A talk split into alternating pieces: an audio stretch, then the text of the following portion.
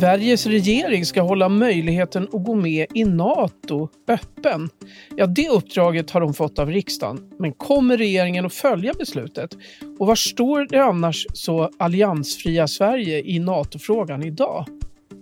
Det här är Studio DN. Jag heter Aminata Grutt.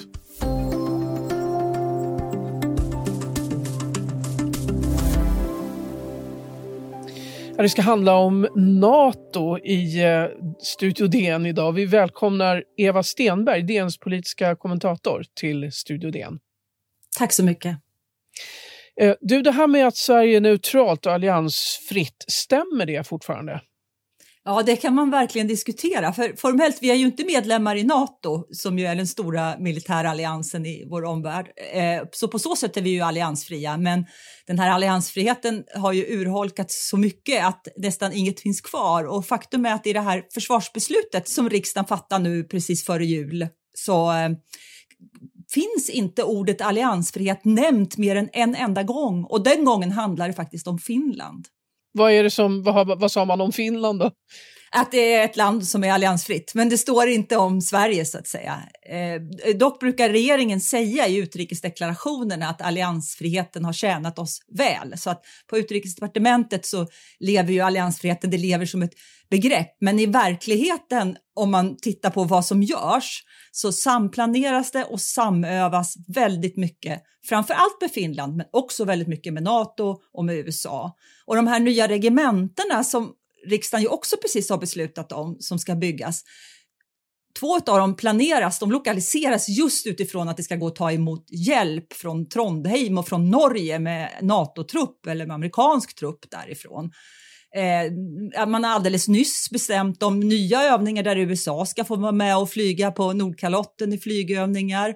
Och i, i det här försvarsbeslutet så formulerar man det så att Sverige ska utveckla gemens, samord, förlåt, samordna sin operationsplanering med Danmark, Norge, Storbritannien, USA och Nato. Och operationsplanering det har ju varit en sån här jättehemlig sak som ett alliansfritt eller neutr ännu mer neutralt land aldrig skulle kunna släppa in någon i. Och här så beslutar man att man ska släppa in andra länder så att det, det har hänt väldigt mycket. Men man får ju tillägga då kanske också att Sverige har ju egentligen aldrig varit neutralt på riktigt utan när Sverige kallar sig neutralt under Olof Palmes tid till exempel, då var det ändå så att vi samarbetade i största hemlighet med Nato. Men det var aldrig någonting som berättades. Men vad innebär det här försvarsbeslutet då, då i praktiken? Har, har vi, eh, när det gäller vår eh, position så att säga, i förhållande till exempelvis USA? Ja, det innebär eh, ytterligare ett steg i ett närmande som har pågått ganska länge. Vi har ju sett det här närmandet i steg efter steg, till exempel i Afghanistan, i såna militära in insatser utomlands eller i, i, eh, Irak där Sverige och USA också har samarbetat. Och vi har ju sett det mer och mer i övningar, i det försvarsmaterial som Sverige köper. Köper nu till exempel ett missil, ett robotsystem som heter Patriot eh, som är amerikanskt som man använder. Vi köpte helikoptrar som heter Blackhawk som är amerikanska. Eh, det, eh, det, det, eh, i, eh, alldeles för någon månad sedan drygt så samövade det känsligaste och hemligaste och mest politiskt kontroversiella försvarsmakter har, nämligen specialförband. De samövade svenska och amerikanska här ute i skärgården tillsammans.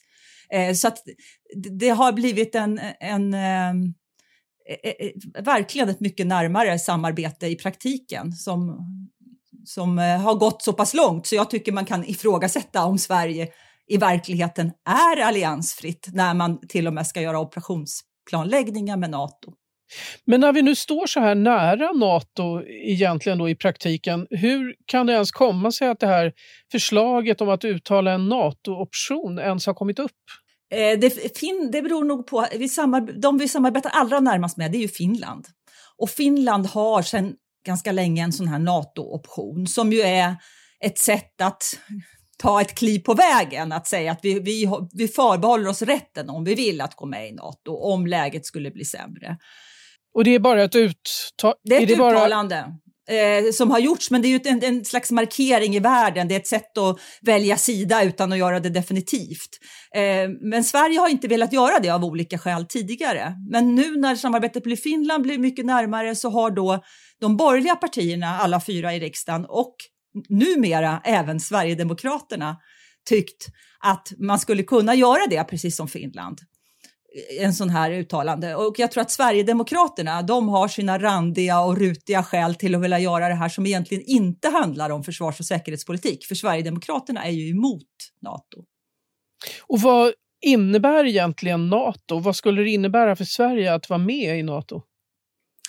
Eh, det, skulle, det, som, det är en sak som skulle skilja egentligen nuläget, för på väldigt många sätt så är vi med i i, arbetet som utförs i Nato. Och faktum är att den amerikanska ambassadören säger i en intervju jag alldeles nyss gjort att Sverige är närmare Nato än flera av våra NATO-allierade. Så att i praktiken är Sverige väldigt mycket med. Men skillnaden är att vi har inte skrivit under på den här försvarsförbindelsen. Den kallas för artikel 5 och den säger att vi förbinder oss att försvara en NATO-medlem som Eh, angrips militärt eh, och de förbinder sig att försvara oss så att säga. Det är en ömsesidig försvarsförbindelse och det är den som är det kontroversiella i Nato.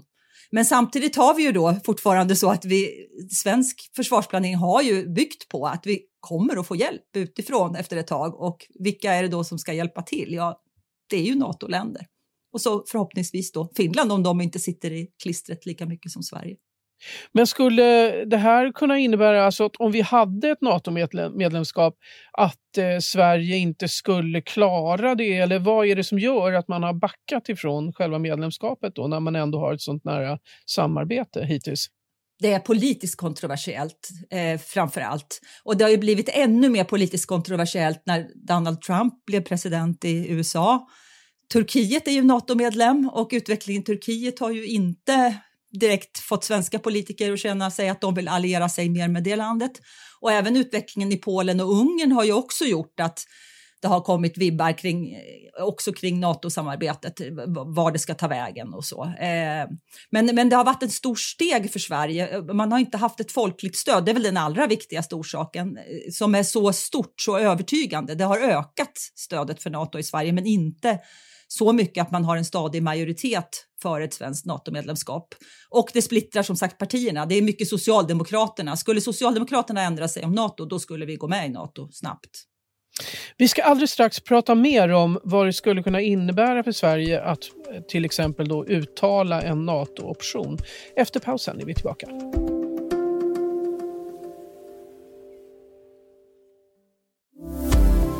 Ja, vi pratar om Sverige, alliansfrihet, frågetecken och NATO-frågan med DNs politiska kommentator Eva Stenberg. Ehm, är det svårt för regeringen att Eh, komma så långt att man faktiskt uttalar sig positivt om ett medlemskap?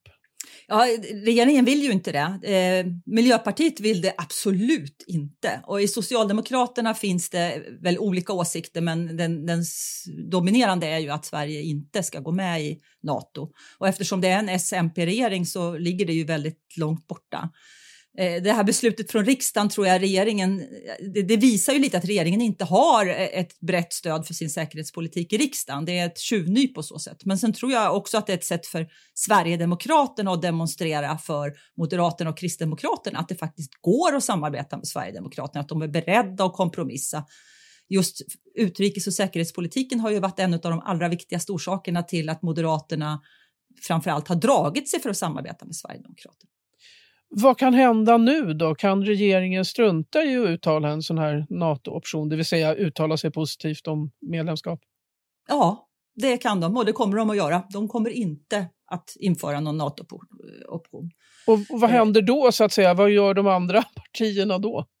In, ja, de kan inte göra så mycket. Det, det, finns inga direkta sanktioner. De, de, kan ju kritisera och bråka lite om det. De kan säga att nu har parlamentet ändå gett en slags viljeyttring till Nato och demonstrerat vad vi vill. Men de, de kan inte dra igenom det där mer än att det blir ett val med en ny regering som gör det eller att de då lyckas övertyga den här regeringen om att de ändå ska göra det. Men det finns för och nackdelar även i diskussionen om den här NATO-optionen. Man, man kan diskutera vad skulle den egentligen innebära? Därför att Sverigedemokraterna säger att de stödjer den bara med det förbehållet att det ska vara en folkomröstning innan ett medlemskap. Och en sån här NATO-option är ju tänkt att användas i ett riktigt svårt och jobbigt läge. Och då kan man fråga sig om Sverige skulle hamna i ett riktigt svårt och jobbigt läge. Är det bästa tillfället då att kalla till en folkomröstning? Det tar ju lång tid att ordna. och Det finns risk för att vi ser valpåverkan från främmande makter som i andra länder.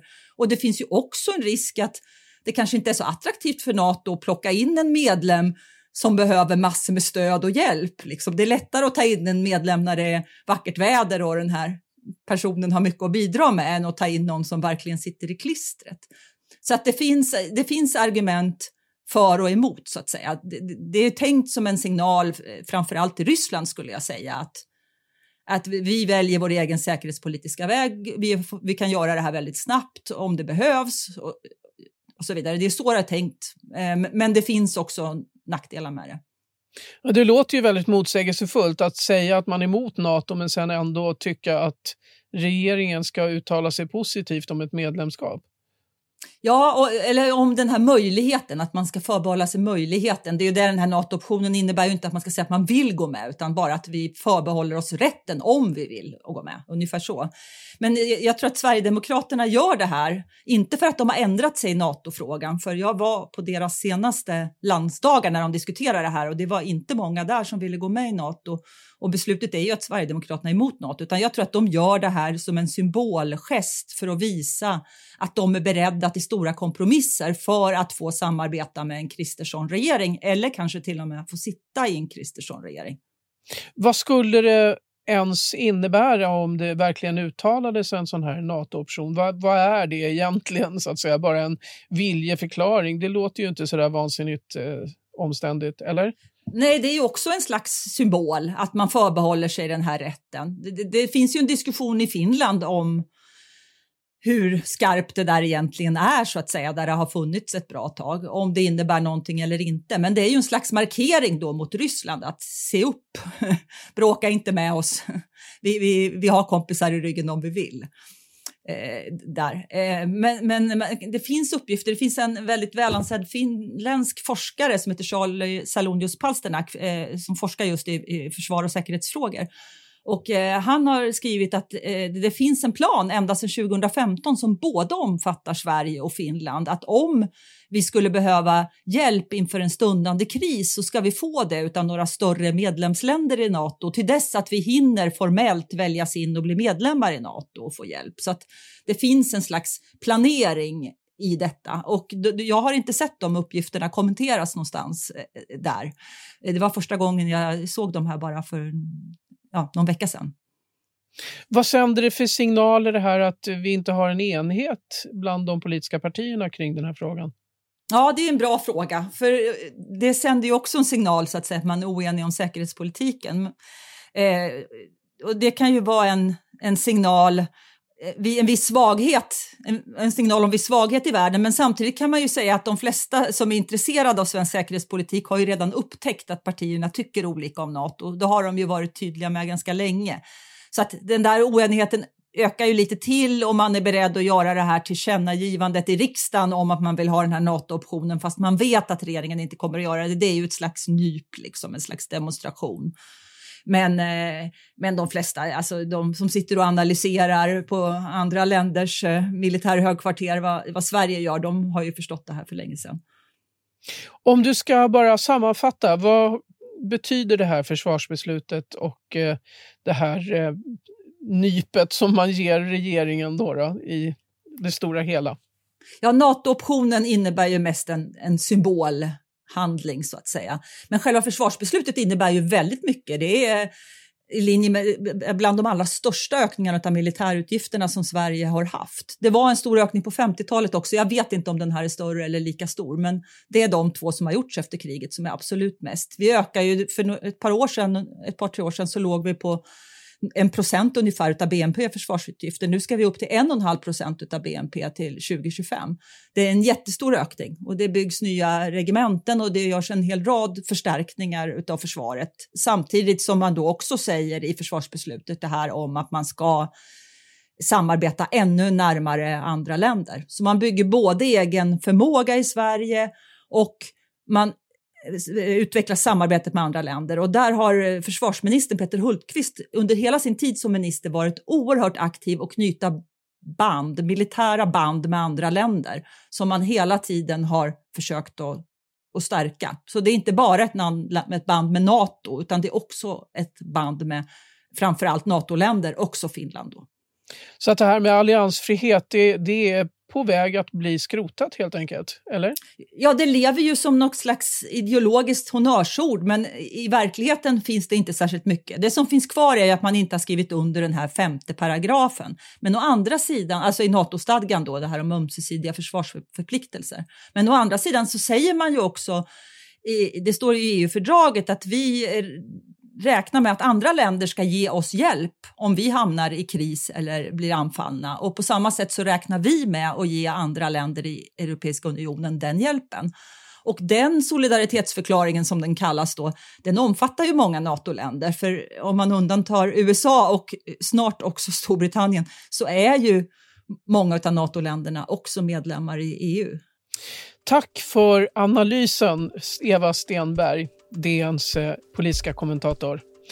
Studio DN görs för Podplay, producent Sabina Marmelakai, exekutiv producent Augustin Erba, ljudtekniker Patrik Miesenberger, teknik Jonas Lindskog, Bauer Media. Och jag heter Aminata Grutt.